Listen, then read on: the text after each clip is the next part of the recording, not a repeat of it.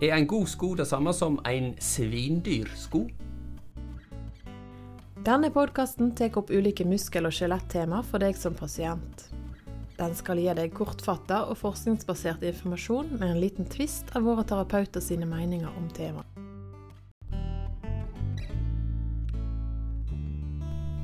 Velkommen til episode 11 av Syriakspodden. Og i dag skal vi snakke om noe voldsomt moro, nemlig joggesko. Og da er spørsmålet, hvis du er ute og springer en hel måle, hva slags joggesko skal du da velge? En hel måle? En hel måle, ja? Har ikke Ja. hørt eh, det uttrykket? Nei, det var ukjent for meg. Nei, hvis du springer en forklare. hel måle, da er, det, da er du eh, i Sogn. Og da springer du på en måte Det er ikke det at du springer Du springer ikke kort, men du springer på en måte Ikke langt heller, men en hel måle. Forstår du det nå? Ja, så litt sånn eh, Ja, en kan bestemme sjøl. Eller en må Ja, du kan bestemme sjøl hva en hel måle er for noe. Ja, du, det stemmer. Men det er altså da et, et eh, fast uttrykk i Sogn. En hel måle. I dag har Syriakspodden tatt turen til eh, Drevelin Aktiv i Bergen, som er løpsspesialist og spesialist på sko. Og vi har med oss eh, verdensmester i fjelløping, Stian Angermund. Velkommen. Jo, takk for det. Og så har vi tidligere maratonløper og motbakkeløper Kirsten Maraton Melkevik. Tusen takk. Tenk å hete maraton, eh, Kirsten. Det, det er litt spesielt. Er det mange i Norge som heter maraton? Nei, det tror jeg faktisk ikke det. Men eh, ja. eh, jeg kan jo bare fortelle kort hvorfor Jeg har nettopp vært gjennom en skilsmisse. Og jeg var med på NM i friidrett i Stavanger, og jeg skulle løpe da 10 000 meter. Og det er 25 runder rundt banen. Og for hver runde så sa de Ottabu, Ottabu, Ottabu. Så tenkte jeg jeg er faen ikke Ottabu. Jeg er Melkevik. Så bestemte jeg meg for å, å ta tilbake pikenavnet. Og så sier Leif Inge Skjelte, som var treneren min, at du, ta nå maraton som mellomnavn. Så søkte jeg om det, og plutselig, vips, så var det gjort. Og greier. Så det gikk jo over hele verden. Men si meg, er maraton da et uh, fornavn eller et etternavn? Ja, det er jo et uh, Det er et mellomnavn. Jeg kan ikke kalle deg for Kirsten Maraton. Nei. Nei. Nei, men uh, stilig å hete maraton. Er det andre i Norge som heter det? Nei, det tror jeg ikke. Nei. Nei. Men da er du i hvert fall dedikert eh, for Sindre, har du tenkt å skifte jobb? Nei, navn til eh, Sindre fysioterapeut? Romerheim. Ja, mellomnavn. Fysioterapeut som mellomnavn. Det kunne jo vært noe. Det var noe. Ja. Ja. Nei, men det som er spesielt med deg, Kirsten, for å snakke litt om det første, er det at du var altså da 32 år gammel, eh, småbarnsmor, og eh, hadde det eh, sikkert eh, fint og flott. F eh, men så oppdaga du noe spesielt, og da var det at eh, du, du var, ble rett og slett aldri sliten, eller stemmer det? Ja, altså Jeg eh, heiv meg på en sånn eh, løpskarusell som er på Fana, sånn vinterkarusell. Og eh, fikk barnevakt og løpte gjennom der på 38 minutter og vant. Tydelig, jeg visste ikke at jeg vant engang, og så kontaktet eh, BFG Fana meg og spurte om jeg hadde lyst til å trene sammen med de. Så, eh, og, da- Og da hadde ikke jo- du trent før Nei, i livet? Nei, jeg hadde ikke det. Selvfølgelig, jeg har aldri vært en sofagris, men, eh, men eh, jeg har alltid vært aktiv i fjellet og gått veldig mye tur og ja, båret ungene mine på meis og dratt i pulk og alt. Så jeg har ikke vært noen sofagris. Men eh, nei, eh, jeg var med på noen treninger og syntes det var veldig kjekt og klarte fint å holde med der. og men hadde noen sagt til meg om seks år så skal du løpe, være med i olympiske leker på maraton, så hadde jeg aldri trodd det. Nei, det så, helt, så veien eh, gikk det, det var utrolig kjekt og ja. Utrolig kult. Altså, Seks år seinere, når du var 38 år, da stilte du i OL i Beijing på maraton. Ja, det året når jeg var 38 år, så satte har jeg faktisk alle rekordene mine på 3000 meter, 8,58, halvmaraton på 1,10 og eh, løpte to ganger maraton på 2,29. Så eh, det året der var Og jeg løpte òg 10 000 meter sololøp på 32,30. Ja. Så, så det året der var jeg egentlig i utrolig god form. Og det var sånn der, Hvor skal dette ende? Ja, ja, ja, Det var veldig gøy. Perset på alt. Og da er spørsmålet Hvis eh, det ikke hadde funnes doping i idretten, hvilke plasseringer hadde du da fått i OL i Beijing i 2008? Åh, nei, det, det er vanskelig å si, altså. Men eh, for å si det sånn eh, Doping har jo vært alltid, holdt jeg på å si. Og det er jo det nå òg, selv om kanskje ikke så mange blir tatt. Så det er vanskelig å si hvilken plassering. Men jeg var i hvert fall med i teten til eh, halvmaraton. Når vi skulle snu så, eh, og tilbake igjen, så ble det ganske tungt for meg. Ja. Så ja, det er vanskelig å si. Eh, det, det er jo bare spekulasjoner. Men jeg hadde blitt sur hvis jeg hadde blitt nummer fire og jeg skulle blitt nummer to. Ja.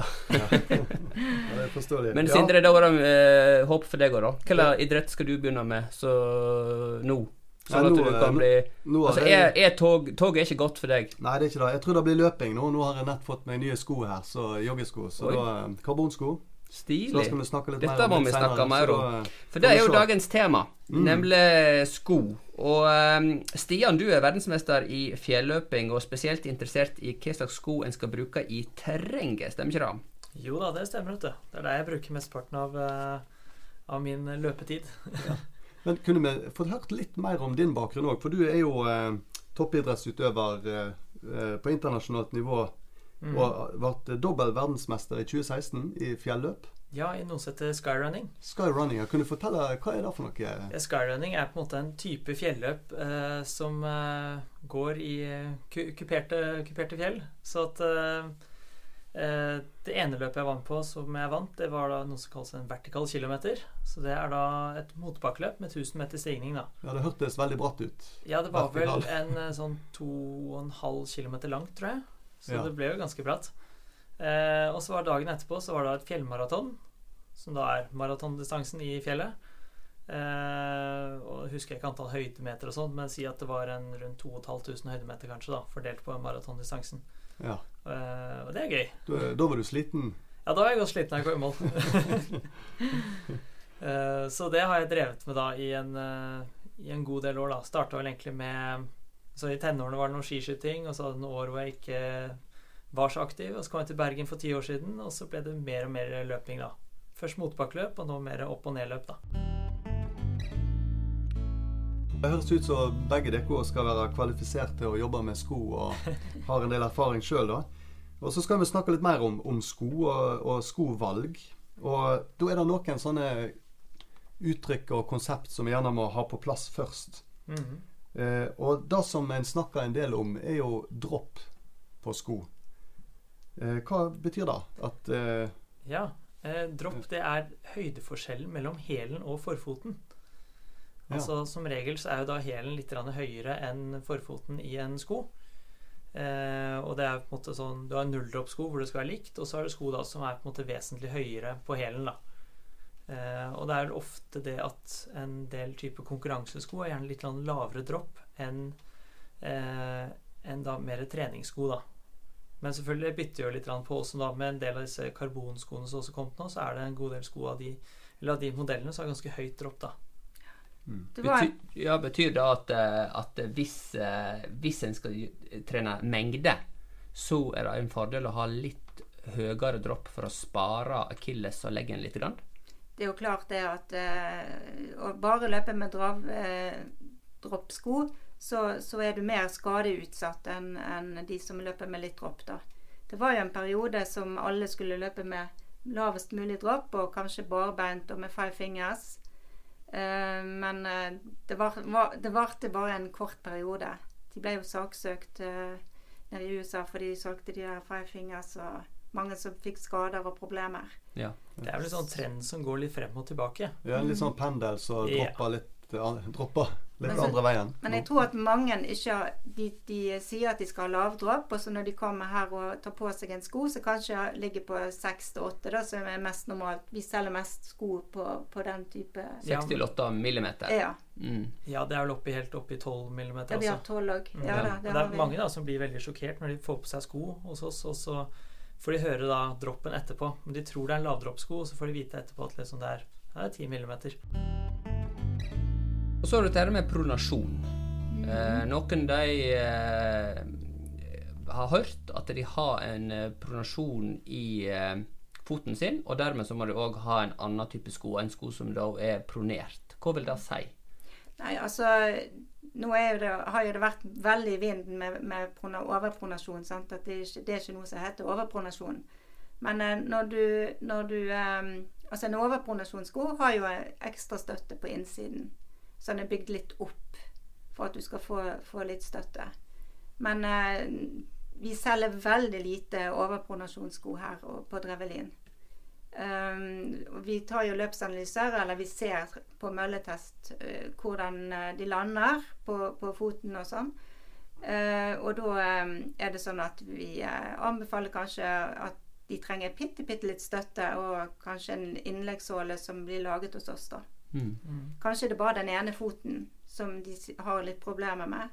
Mm. Så da er det jo greit å så unngå en, en, en, sko som har overpronasjon, hvis ikke du trenger det spesielt. Ja. Ja.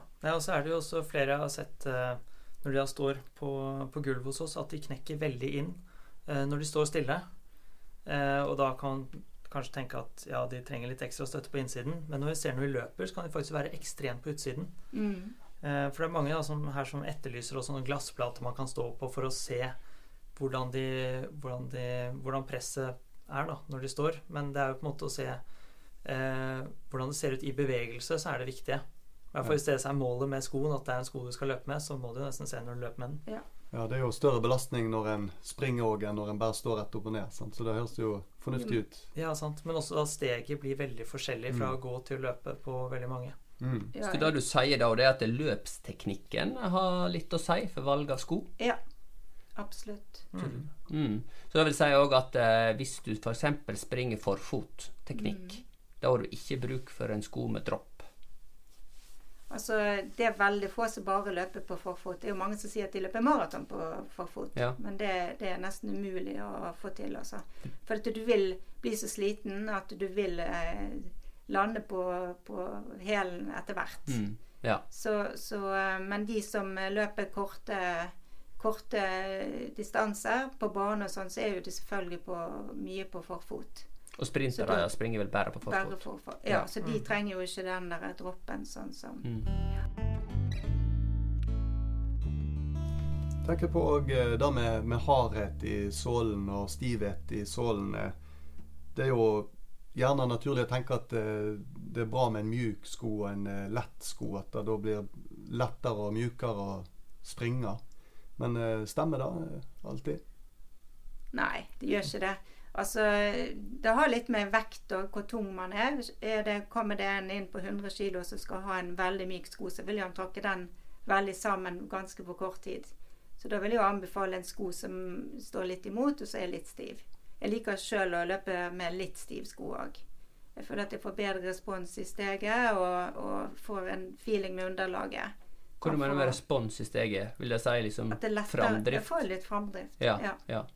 For det som er litt av poenget med en litt stivere såle, er at da bender du den når du tråkker ned med hælen, og så når du da eh, ruller over i frasparket, så får du litt energi fra Ja, sålen riktig. som er lagra i nedtrakket.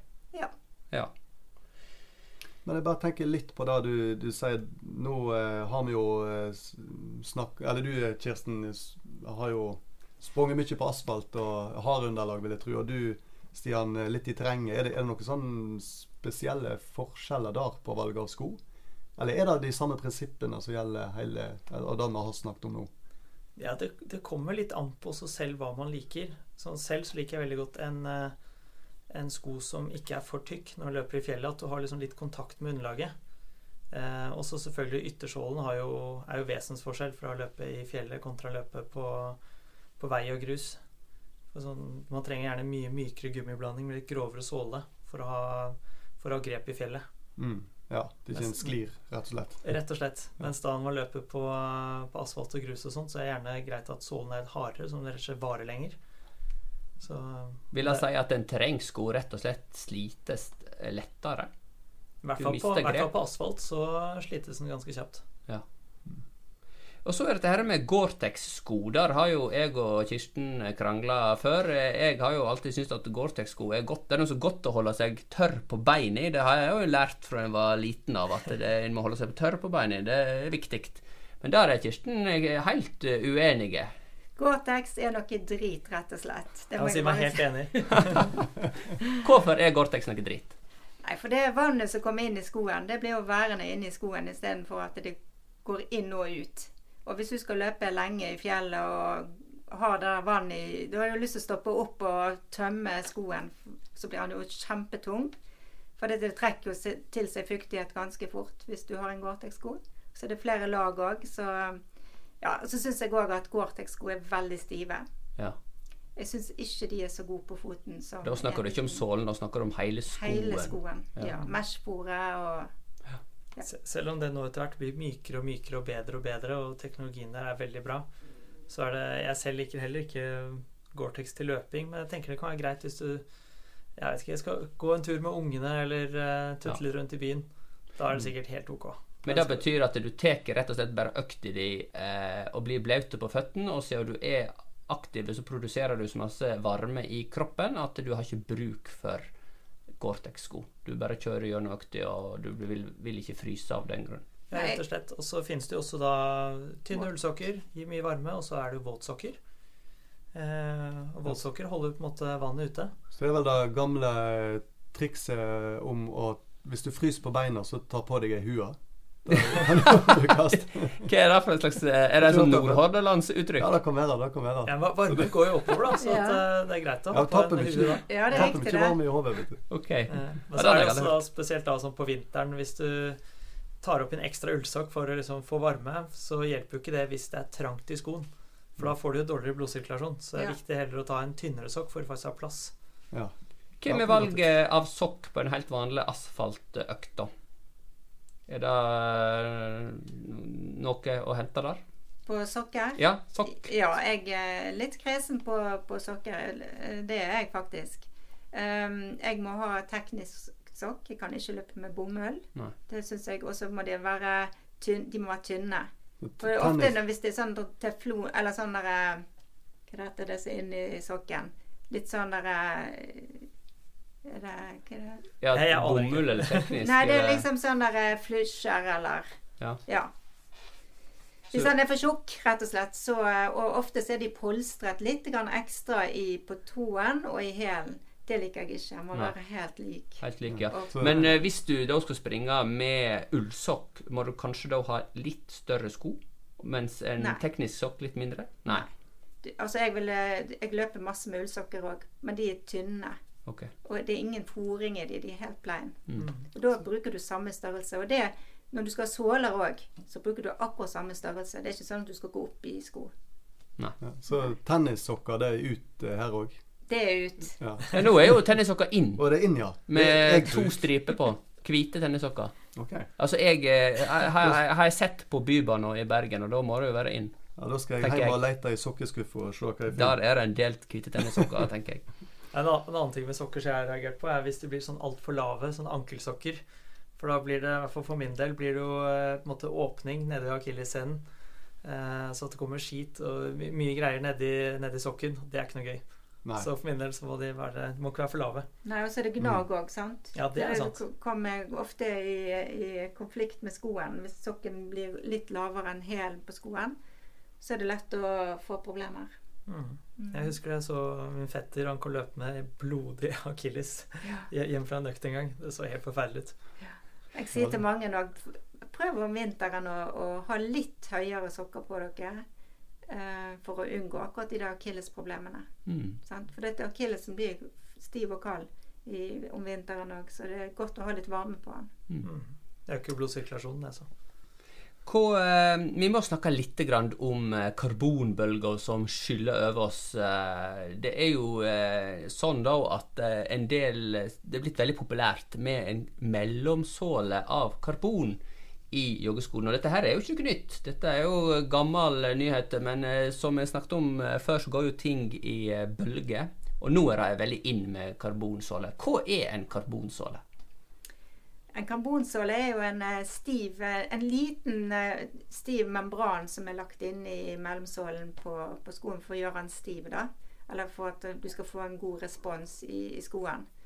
Eh, og karbon er jo knallstivt. Altså det er jo så hardt. å trakke på en sånn karbon Vi selger jo karbonsåler for de som har, har brudd i foten sin. da. Og de er jo kjempestive. Men eh, det er jo ikke, han er jo veldig tynn. Sånn at du får eh, litt respons i, i skoen. Og Det betyr altså at, eh, som vi snakket om tidligere, at eh, når du trakker ned med hælen, så, så bender du på en måte karbonplata, og så springer den ut igjen i det du trakker fra med tau i. Ja, Og da får du en liten sånn springfjær. ja, du gjør det. Du får hjelp.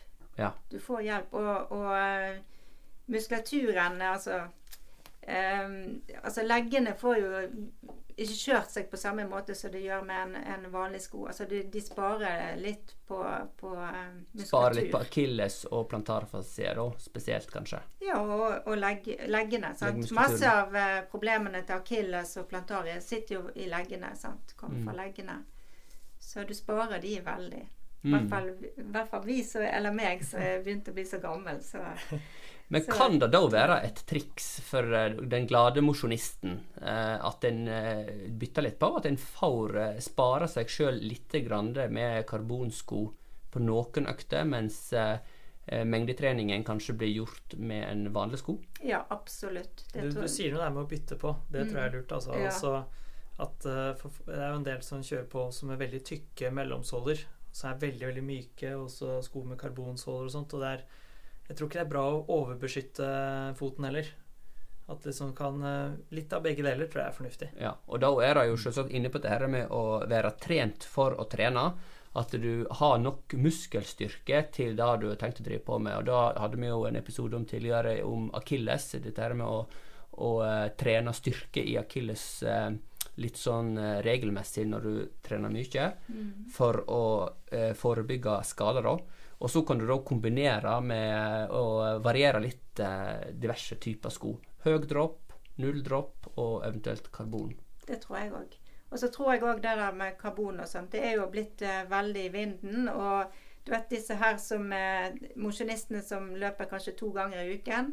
eh, Og så er de 100, 110 kilo. Så kommer de her og skal ha seg karbonsko, så tenker jeg sånn nei. Nei. Ikke bruk heller pengene og kjøp deg et par sko med god dropp, og, så du kan ha en god tid. Men mange tenker jo at de vil løpe mye fortere når de får karbonsko. Ja, for der har en jo hevda at det kan være oppimot 3 raskere Ja. med karbonsko. Eh, jeg har sjøl testa, Mm, og det var heller 3% seinere med karbonsko hos meg, da. ja. Men, eh, men eh, uansett, så jeg vet ikke, er det blitt ulovlig med karbonsko i, mm. i friidretten? Nei, det er ikke ulovlig, men eh, altså på, hvis du skal løpe på bane, så er det jo kommet nettopp nye, eller, nye regler nå for baneløping. At du ikke får ha så og så høy såle på, på skoen. Mm. Så jeg tror det var 24 noe centimeter som var Millimeter. Jeg Millimeter, mener jeg. 24, 25 millimeter, rundt, der et eller annet sted. ja, som er grensen. 24-25 som var. Så den der eh, sin eh, karbonsko, den er akkurat godkjent. Hvor måler du de eh, 25 millimeterne som er lovlig Det er tykkelsen på hælen. på hælen? Ja. Når du eh, først har funnet deg en, eh, en god sko, så eh, da kan du vel bruke den så lenge du vil, eller? Blir det, blir det slitt ut, eh, disse skoene våre? Ja, så De blir jo slitt etter, etter hvert, selvfølgelig. Eh, det er jo ikke sånn nå lenger som det var eh, tidligere, at en sko ble gammel enten du brukte den eller ikke. Men eh, det blir jo gradvis slitt. Det gjør jo det.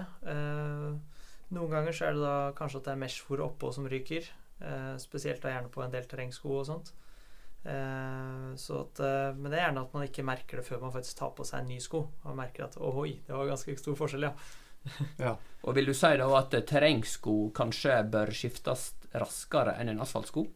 I forhold til grep?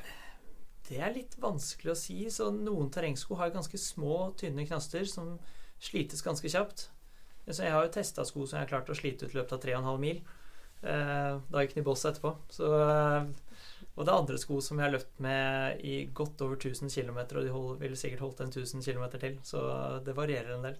Men det vil da si at det til dyrere og tynnere og lettere en sko er, til raskere blir en slitt ut. Det er vel kanskje generelt sånn, ikke at det er to streker under det svaret der, men eh, ofte så er noen av de dyre, veldig spesifikke skoene holder kanskje ikke så lenge. Oppsummert så må vi vel kunne si da at eh, for en glad mosjonist som liker å jogge, så er det jo bare joggesko en kan drive og diskutere av utstyr. da. Det er jo litt sånn irriterende Den som driver med slalåm, han har jo masse utstyr han kan drive snakke om. og de som er interessert i ski, de Ja, altså Jogging, der er det bare sko vi kan snakke om. Ja. Samtidig så jo mindre utstyr, jo rimeligere er billig, veldig billig hobby å ha, da. Det er jo det. si. Men hvis vi skal oppsummere litt, så er det jo sånn at, eh, at eh, en eh, høy dropp på skoen det kan spare akillesen din eh, litt, grann, og det kan være lurt å variere joggesko. Ha litt flere par å bytte på. Har du veldig vond akilles- og plantarfascie, så kan det være en eh, idé å prøve en karbonsko. Men det er ikke sånn at eh, dyrest sko er best. Heller kan det være sånn at eh, en sko som er billigere, fungerer bra. Og han går heller ikke nødvendigvis ut på dato. Det er ikke en datovare med joggesko. Og syns du eh, jogging er moro, så er det vel bare egentlig bare én ting å gjøre, og det er å komme seg ut og trimme. For det gir jo ekstremt mye helse per nedlagde treningstime. Du tror det, Sindre? Ja, det høres eh, fornuftig ut. Så Og du holder koken ennå, du eh, er- Elgeir. Du har jo etter hvert faktisk sprunget noen måneder. Etter hvert har jeg eh, sprunget litt. litt grann. Men ikke noe annet enn en glad masjonist. Tusen takk for eh, besøket her på Drevelin Aktiv eh, i Bergen. Takk til deg, Kirsten Maraton og Stian. Det var veldig hyggelig å få komme på besøk til dere.